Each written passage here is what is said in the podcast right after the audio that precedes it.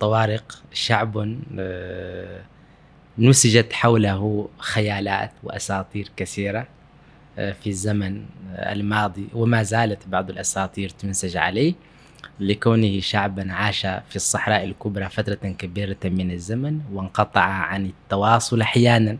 أغلب أغلب الطوارق كانوا يعتمدون على رعي الإبل والأبقار والغنم كانوا رعاة يعني في الأصل آه، وبالتالي ما لا تهمهم سابقا قبل فترة من الزمن المدنية والزراعة والمباني والبنيان وما إلى ذلك لا لا. كيف الإقبال على اللغة العربية في النيجر؟ السلام عليكم ورحمة الله وبركاته.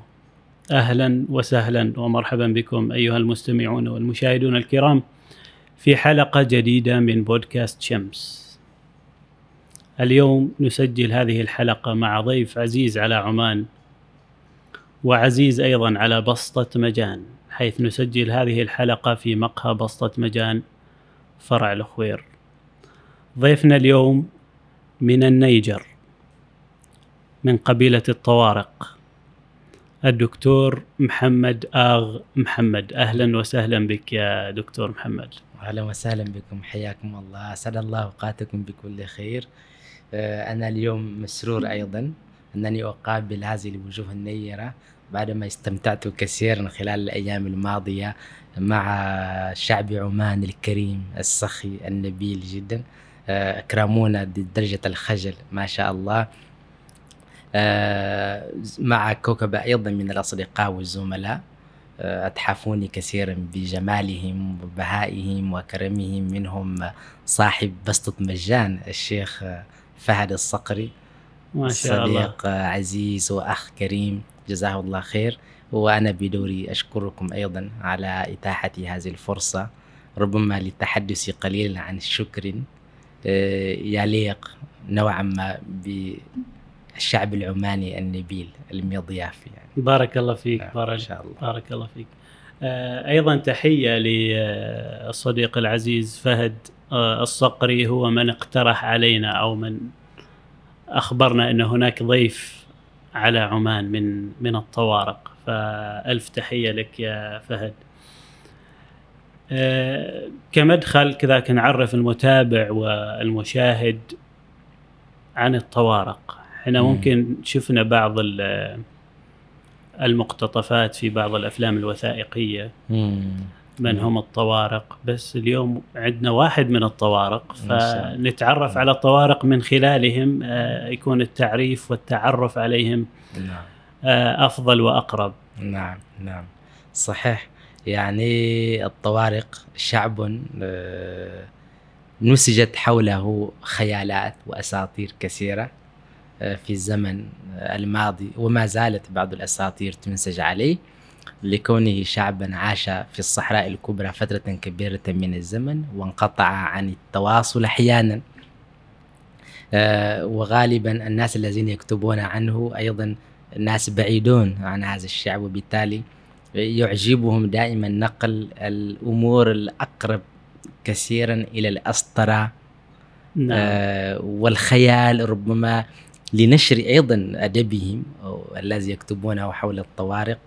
وأحيانا أيضا لأهداف سياسية واهداف اجتماعية. حقيقه أريد فقط أن أبدأ بنقطة تتعلق بأن الطوارق يعني تعلقت به مساطير. بعضها قد تكون قريبة من الصحة وبعضها فعلا مجرد أباطيل وأمور يعني من اسمهم الذي أيضا نفسه فيه خلاف إلى أماكن تواجدهم إلى بعض عاداتهم الاجتماعية وعلاقاتهم وأنماط حياتهم كثير من أمورهم.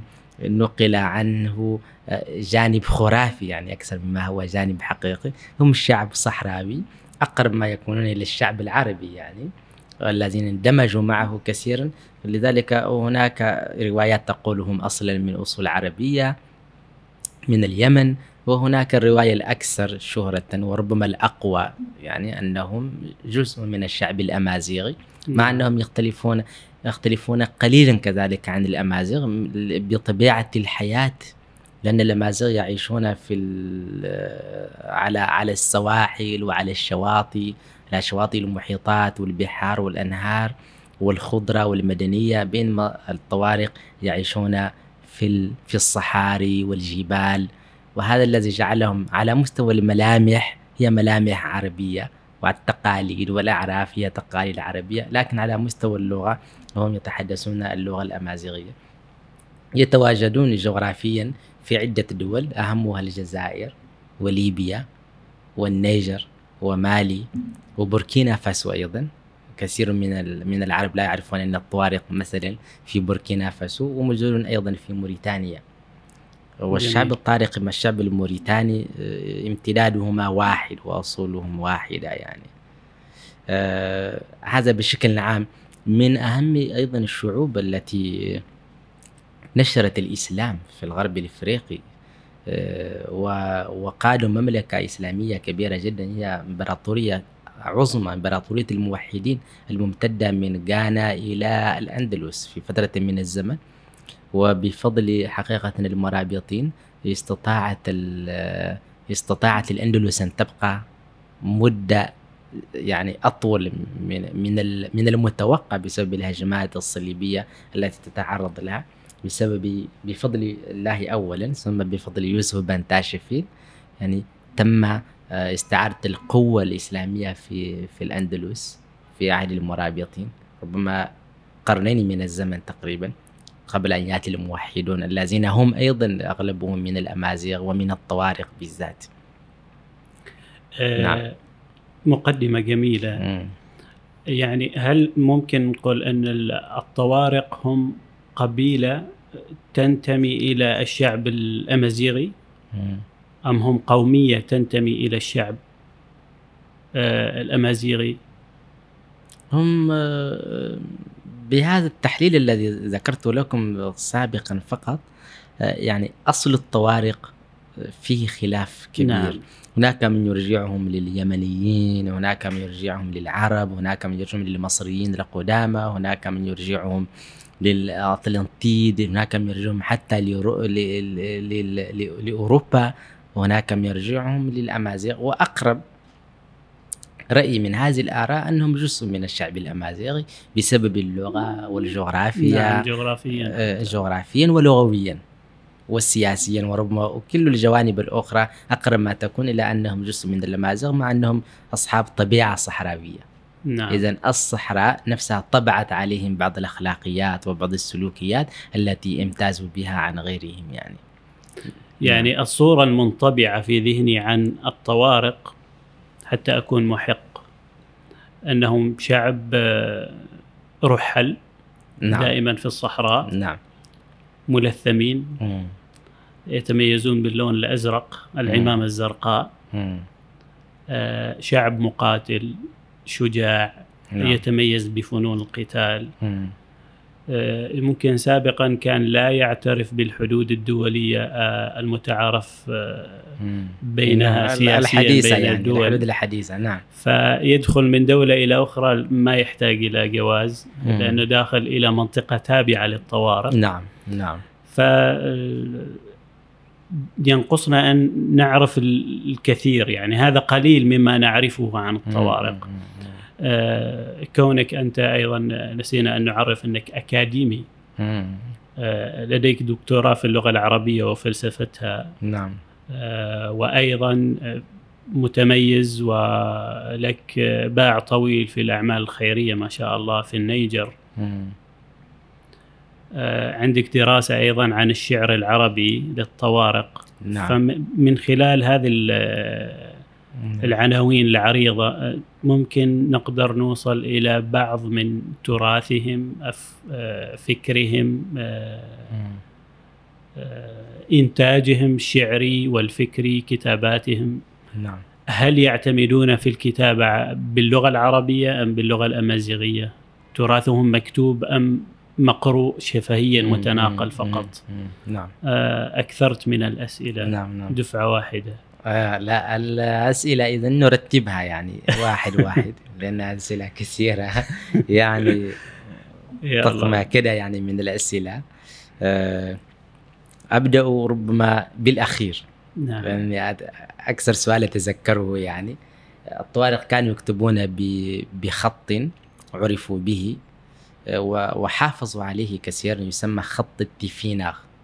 خط تيفيناغ. وهو الآن تكتب به كتب كثيرة ومقررات رهيبة في المغرب والجزائر وليبيا. هذا هو الخط ولكن هو خط الأحرف. الطوارق. هو أحرف خاصة بهم. نعم. هم اللي خلقوها منذ ربما قبل الميلاد.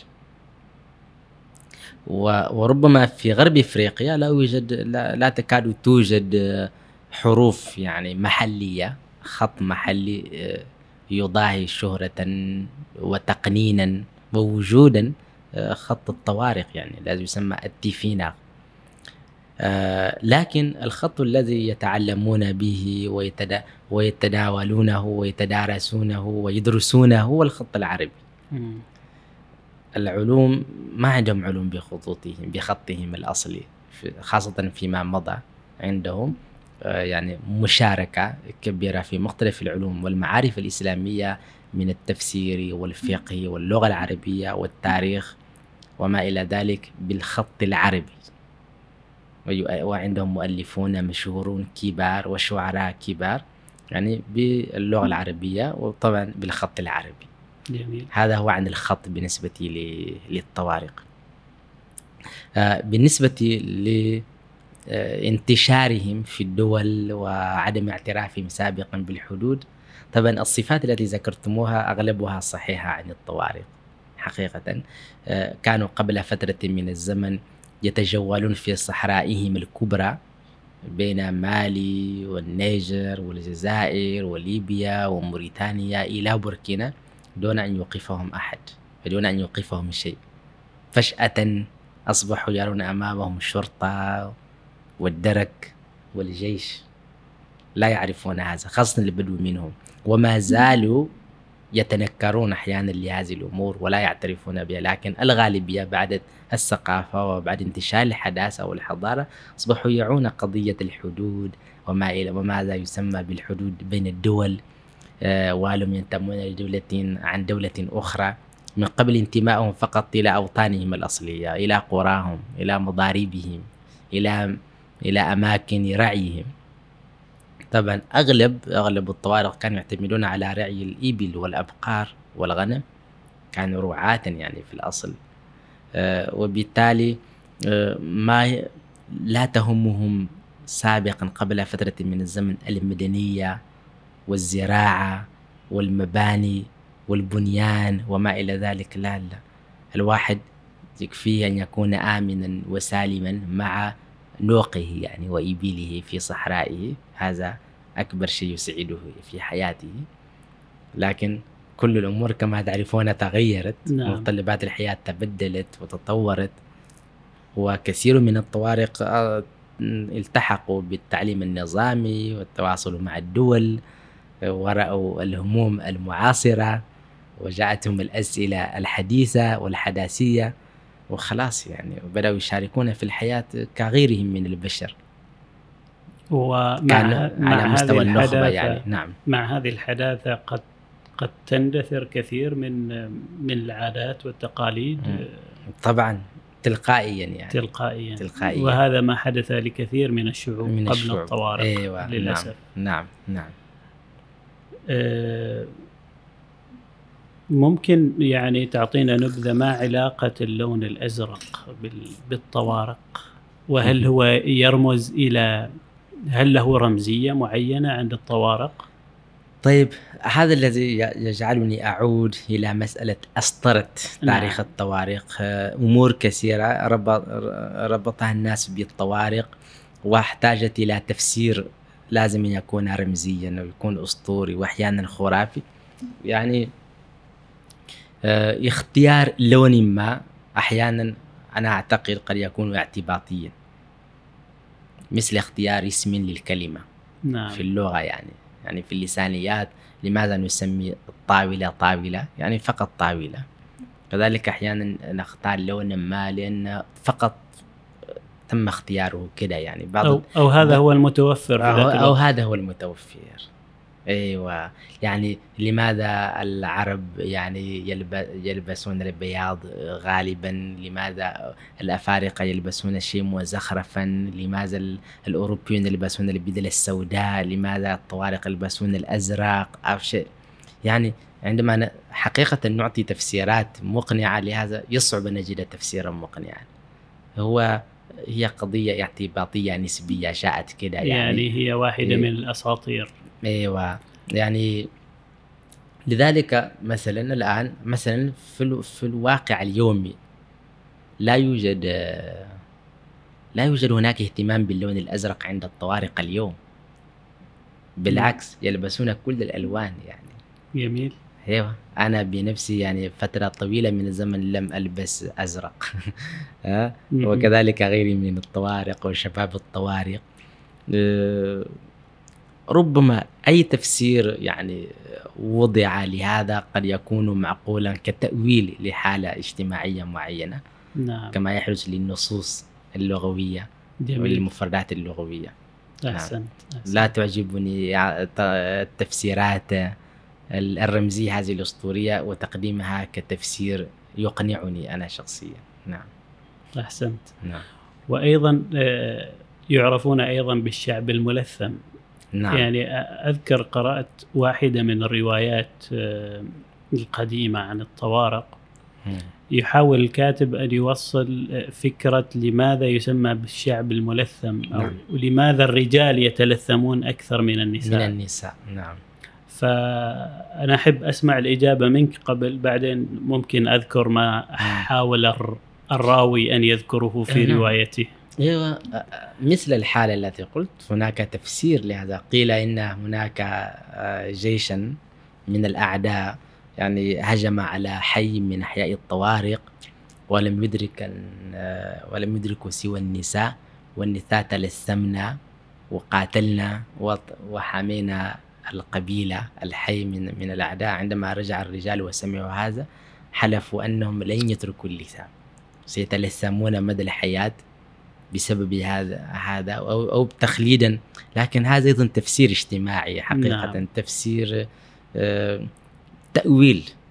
ليس ليس ليس تبريرا صحيحا في نظري أنا.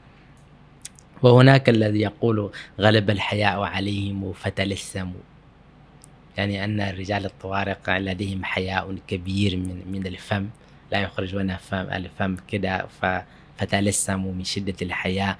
أم، فكل هذه الأمور يردها يعني هناك أمور منطقية ترد عليها. لماذا لا تتلثم النساء مثلا الطارقيات؟ ليس لديهن حياء مثلا؟ نعم. والحياة عند الرجل أكبر من المرأة وهذا غير طبيعي يعني غير منطقي. كما أنه من علم النساء أن يتلثمن لمهاجمة الأعداء؟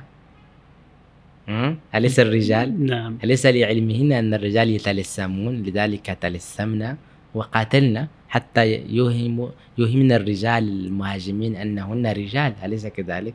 إذا القصة هذه تنقض نفسها بنفسها يعني ترد على نفسها بنفسها. جميل. فيها تناقض كبير جدا وكذلك القصة الثانية. أنا أعتقد فقط أن أنهم عاشوا في الصحراء مثل العرب كانوا في صحراء قاحلة هناك شمس هناك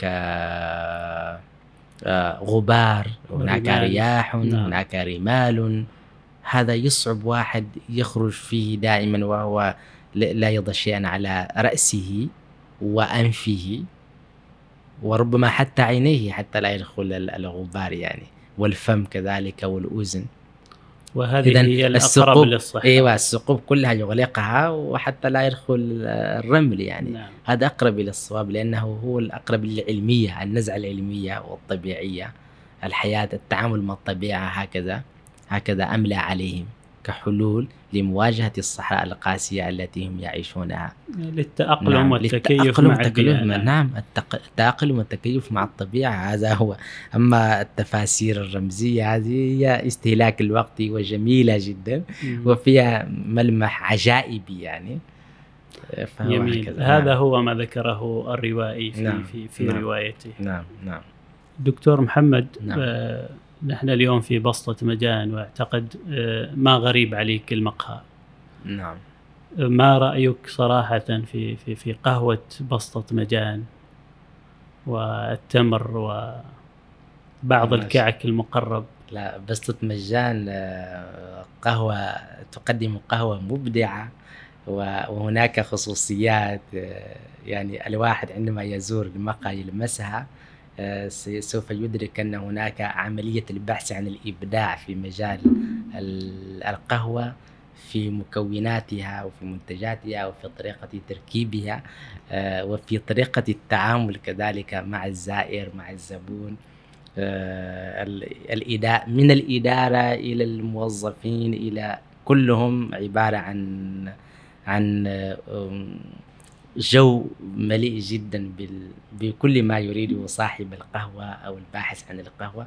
ذلك أنا حقيقة ليس فقط لي ليس يعني أنا أنصح عشاق القهوة بتجربة ولو قليلة جميل. آه، إذا لقهوة ممكن نقول- مجان. هناك آه، هناك شيء أنا سأضيفه لهذا. آه، هناك رجل وقف وراء المشروع آه، فهو معروف أنه يريد دائما يريد دائما التميز في التميز في في المشاريع التي يديرها. أنا متأكد تماما أنه بعد فترة من الزمن هناك أناس يقلدونه هناك أناس يبحثون عن تقليد واستعارة آه، كيفية آه، تعامله مع هذا المنتج الجديد الذي يحاول أن يبدعه ويكون علامة نموذجية آه، عمانية ثم عربية. إذا نهنئ أخانا فهد الصقري على هذا الإنجاز على هذا الإنتاج آه، على. هذا الطريق. إن شاء الله يستاهل. سيكون سيكون تحية- سيكون فعلا قائدا تحية كبيرة. تحية كبيرة له. إلى الأستاذ فهد صقري إن شاء الله. إذا فعلا يعني بسطة مجان تمنحك مزيدا من الحياة. طبعا. نعم. هذه أيقونة آه، نعم. نعم. يعني اسم. اسم على مسمى يعني. عندما الواحد إيه، يتناول قهوة بسط مجان ينتعش يعني لا, لا شك يعني. بارك آه، الله فيك يا دكتور محمد. نعود للطوارق نعم. وأنت طارقي. مم. آه، الطوارق من من الرحل آه، وعلاقة آه، البدوي أو الشعب الصحراوي بال- بالجمال علاقة قوية ومتينة إلى مم. درجة أنها تكون كأنها أحد أفراد العائلة. آه، هنا في في الخليج وفي عمان أيضا يسمون آه، الجمال المقربة إلى قلوبهم يختارون لها. أسماء أسماء فكيف معكم في الطوارق؟ طبعا بنفس نفس الشيء تماما عند الطوارق لا توجد ناقة ولا جمل إلا ولا اسم إلا باسم صاحب الناقة يعرف حتى عندما يبحث أو يتحدث بحديث ما يقول فلانة وكل الحاضرين ويسميها باسمها والأسماء أحيانا تكون بأسماء تفاؤل أو بأسماء ألوان يعني ممكن تعطينا أمثلة يقول مثلاً- لمشاهير الإبل عندكم يقول مثلا تدمي تازرغافت هم؟ أبزو هذه؟ بالأمازيغية هذه- ولا بالأمازيغية آه. هذه أسماء و- وصفات لكن أصبحت أسماء لإبل. كل واحد يسمي ناقته وجمله بهذا حتى يميز أصلا يميز أصلا بين ناقة وناقة ويقول للراعي شوف الفلانة. يبحث عن الفلانة. ما ما ما الراعي تلقائيا سيفهم. ما يحتاج يقول لها تلك التي لونها كذا ولا لونها ولا رجلها. لا لا. بس فلانة أين هي؟ وأيضا يعتمدون نعم. على أنه هذه آه، سعرها في السوق أكبر لأنها آه، بنت فلانة وأبوها نعم فلان. نعم نعم نعم نعم نعم هذا لا شك فيه. هناك أمر آه، غريب آه، لدى كثير من الشعب الطارقي ليس ليس أيضا كلهم في بعض المناطق. ألاحظ أنا شخصيا كملاحظة شخصية ولا أعتقدها أيضا علمية لا يأكلون كثيرا الإبل. وأنا فسرت هذا تفسيرا علميا العلاقة الحميمية العاطفية بينه وبين وبين الإبل بحيث أنه لا يقوى على أنه ينظر إلى ناقته ويذبحها يعني أو إلى جمله ويذبحه يصعب عليه ليس سهلا عليه أنه ينحر ينحر ناقته أو جمله. ولذلك غالبا آه، لم أرى لم أراهم يأكلون أو يتناولون لحم الإبل. على عكس صحراويين آخرين مثل العرب يعني الذين نعم، هم. لكن أيضا توجد قبيلة من قبائل الطوارق تفتخر بالنحر يعني عندهم نعم. نحر ال- ال- الناقة. الإبل. النح- نحر الناقة للضيوف. يعني هذا مدعاة للفخر شهامة يعني. جميل. شهامة ونبل وكرم كبير. نحرت لهم. هكذا يقولون نعم، يعني نعم. المناسب الكبيرة ضيوف وشيء من هذا القبيل. لكن مناطق أخرى يعني هناك ندرة في في نحر الإبل. نعم. غريب. مم. معلومة إيه، جميلة إيه، نعم. نسمعها من من أحد أبناء الطوارئ نعم نعم. آه، دكتور محمد كونك أكاديمي وأيضا آه، مدرس للغة العربية في الجامعة. نعم. في النيجر. كيف الإقبال على اللغة العربية في النيجر؟ آه، من النيجريين أنفسهم كأفارقة غير عن الطوارق. هل هناك. إقبال لدراسة اللغة العربية؟ آه، إقبال منقطع النظير. إقبال لا حدود له. والدافع لأنها يعني- لغة القرآن؟ أيوه نعم. الشعب الإفريقي المسلم عادة يفضل أن يتعلم اللغة العربية قبل أي لغة أخرى. وفي العادة أيضا ظروف الحياة هي التي تضطره لكي يدرس الفرنسية أو الإنجليزية أو الإسبانية أو اي لغة أجنبية أخرى. لكن عندما يتعلم العربيه يحس كأنه واجب ان يتعلم العربية. كأنه في طريق صحيح يعني. هم يعتقدون هكذا اعتقادا جازما. آه، الإقبال خف فترة من الزمن بسبب على مستوى التعليم النظام بسبب آه، دعوى أن متعلم اللغة العربية آه، مجاله الإمامة فقط أو التدريس والدعوة ليس ليس لن يكون له مشاركة في الحياة العامة. لكن هذا أيضا تغير خاصة في النيجر لأن النيجر آه، من الدول القليلة في في إفريقيا جنوب الصحراء التي اعتمدت اللغة العربية كلغة تعليم رسمية. في المدارس في الحكومية. المدارس في المدارس الحكومية آه، هناك التعليم العربي المزدوج في النيجر. وهذه وهذا مكسب كبير جدا جدا للغة العربية لأن ت- تنافس الآن الفرنسية في في في النيجر. المتعلم للغة العربية ليس له قيمة أدنى أو أقل بكثير من المتعلم اللغة الفرنسية على عكس بعض الدول وعلى عكس ما كان سابقا في النيجر يعني بعد الاستقلال من فرنسا. إذا عوامل ازدهار اللغة العربية في النيجر كثرت من أهمها الجامعة الإسلامية بالنيجر التي أسستها منظمة التعاون الإسلامي. يعني آم، منظمة التعاون الإسلامي التي هي آه، منظمة الدول الإسلامية آه، وبقيادة آه، آه، السعودية وال- والإمارات وبقية دول الخليج وعمان وكل الدول ال- العربية مساهمة جدا في هذه المنظمة وهي التي أنشأت وأسست الجامعة الإسلامية بالنيجر وهذه الجامعة أنتجت وخرجت كوادر ساهموا في الرقي باللغة العربية ودخلوا في كل مجالات الحياة بالنيجر وفي دول الجوار أيضا مثل مالي وبوركينا وساحل العاج وبنين وغانا. إذا مقومات أو عوامل ازدهار اللغة العربية في النيجر حقيقة ت- نفسها تزداد يعني وبالتالي تزدهر العربي أكثر. منها نشاط الجمعيات العربية. الجمعيات العربية المنظمات العربية والمنظمات النيجرية الممولة عربيا سنويا تنشئ مدارس. حتى المنظمة التي أنا فيها والتي أنا رئيسها يعني لا توجد سنة إلا ونحن نبني مدرسة عربية فرنسية. منذ خمس سنوات إلى الآن. ما شاء الله. وبالتالي العربية تزدهر وتنمو بشكل كبير في النيجر وكذلك في مالي وفي دول الجوار. النيجريون يحبون العربية كثيرا سواء كانوا طوارق أو هوسة أو زرمة أو فلاتة أو أيا كانوا. فقط للتوضيح النيجريين يختلفوا عن النيجيريين. النيجريين هم آه، آه، نعم نعم. من من النيجر. من النيجر. النيجيريين من نيجيريا. من نيجيريا. هناك دائما لبس والتباس لدى العرب خصوصا خاصة الخليجيين.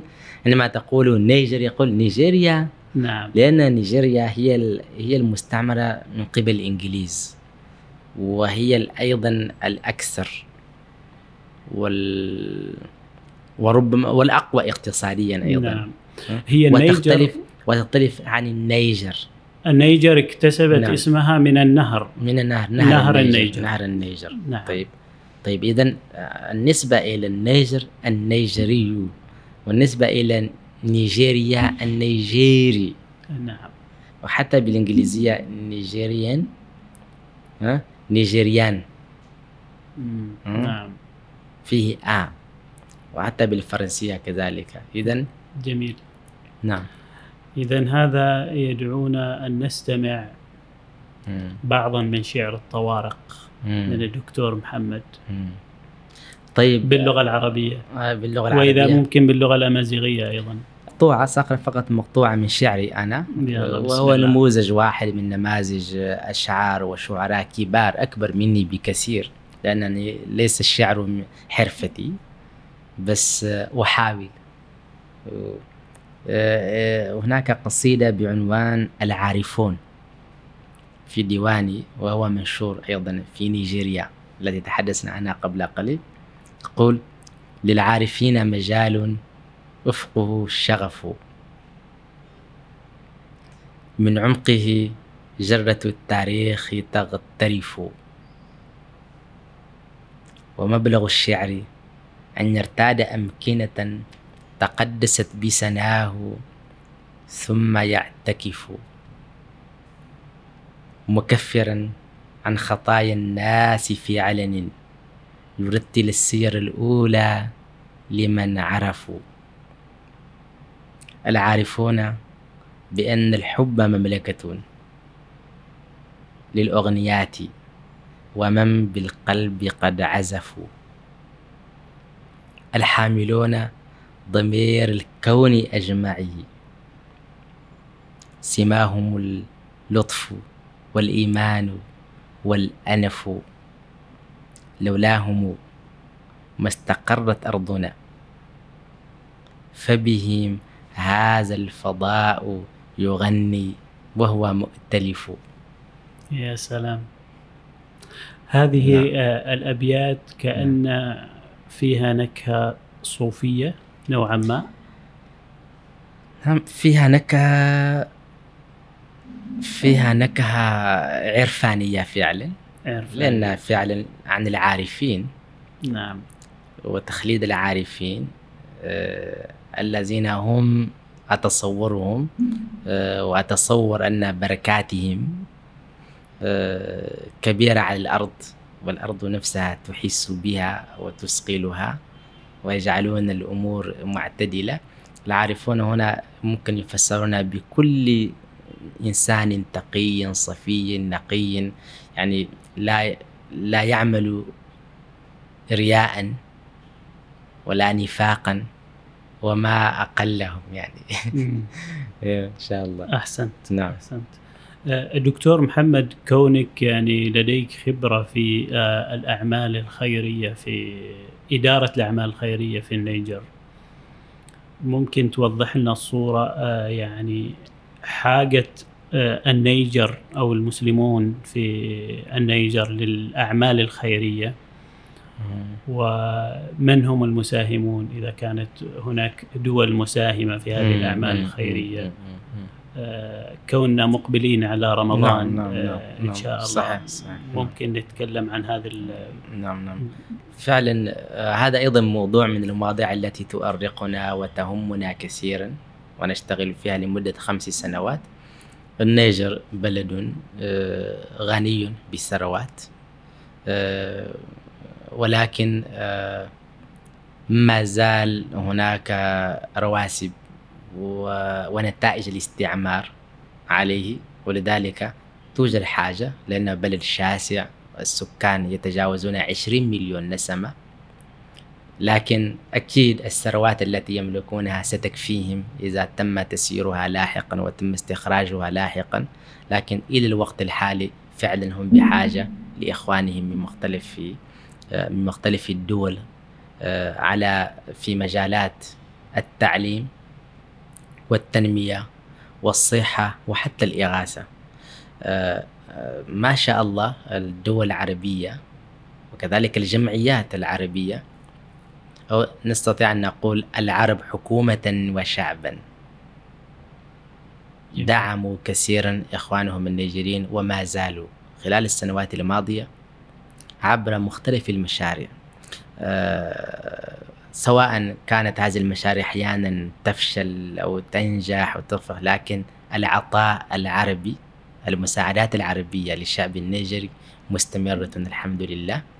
آه، إذا كنا نتحدث حول الدول التي تأتي منها المساعدات للنيجر للنيجر بالذات آه، نقول أغلب دول الخليج خاصة خاصة المملكة العربية السعودية الكويت الإمارات البحرين قطر.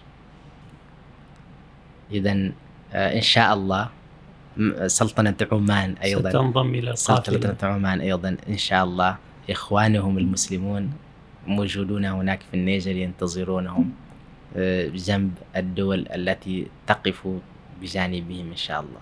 إن شاء الله. آه، دكتور محمد قبل م. الختام يعني ما هي الصورة التي ستنقلها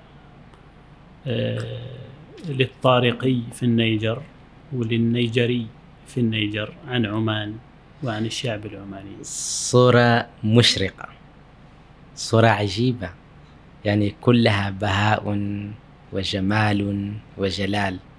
يعني أنا قبل أن آتي إلى عمان آه، كنت أتصورها فعلا بلد متقدم وبلد جميل رائع الشعب راقي.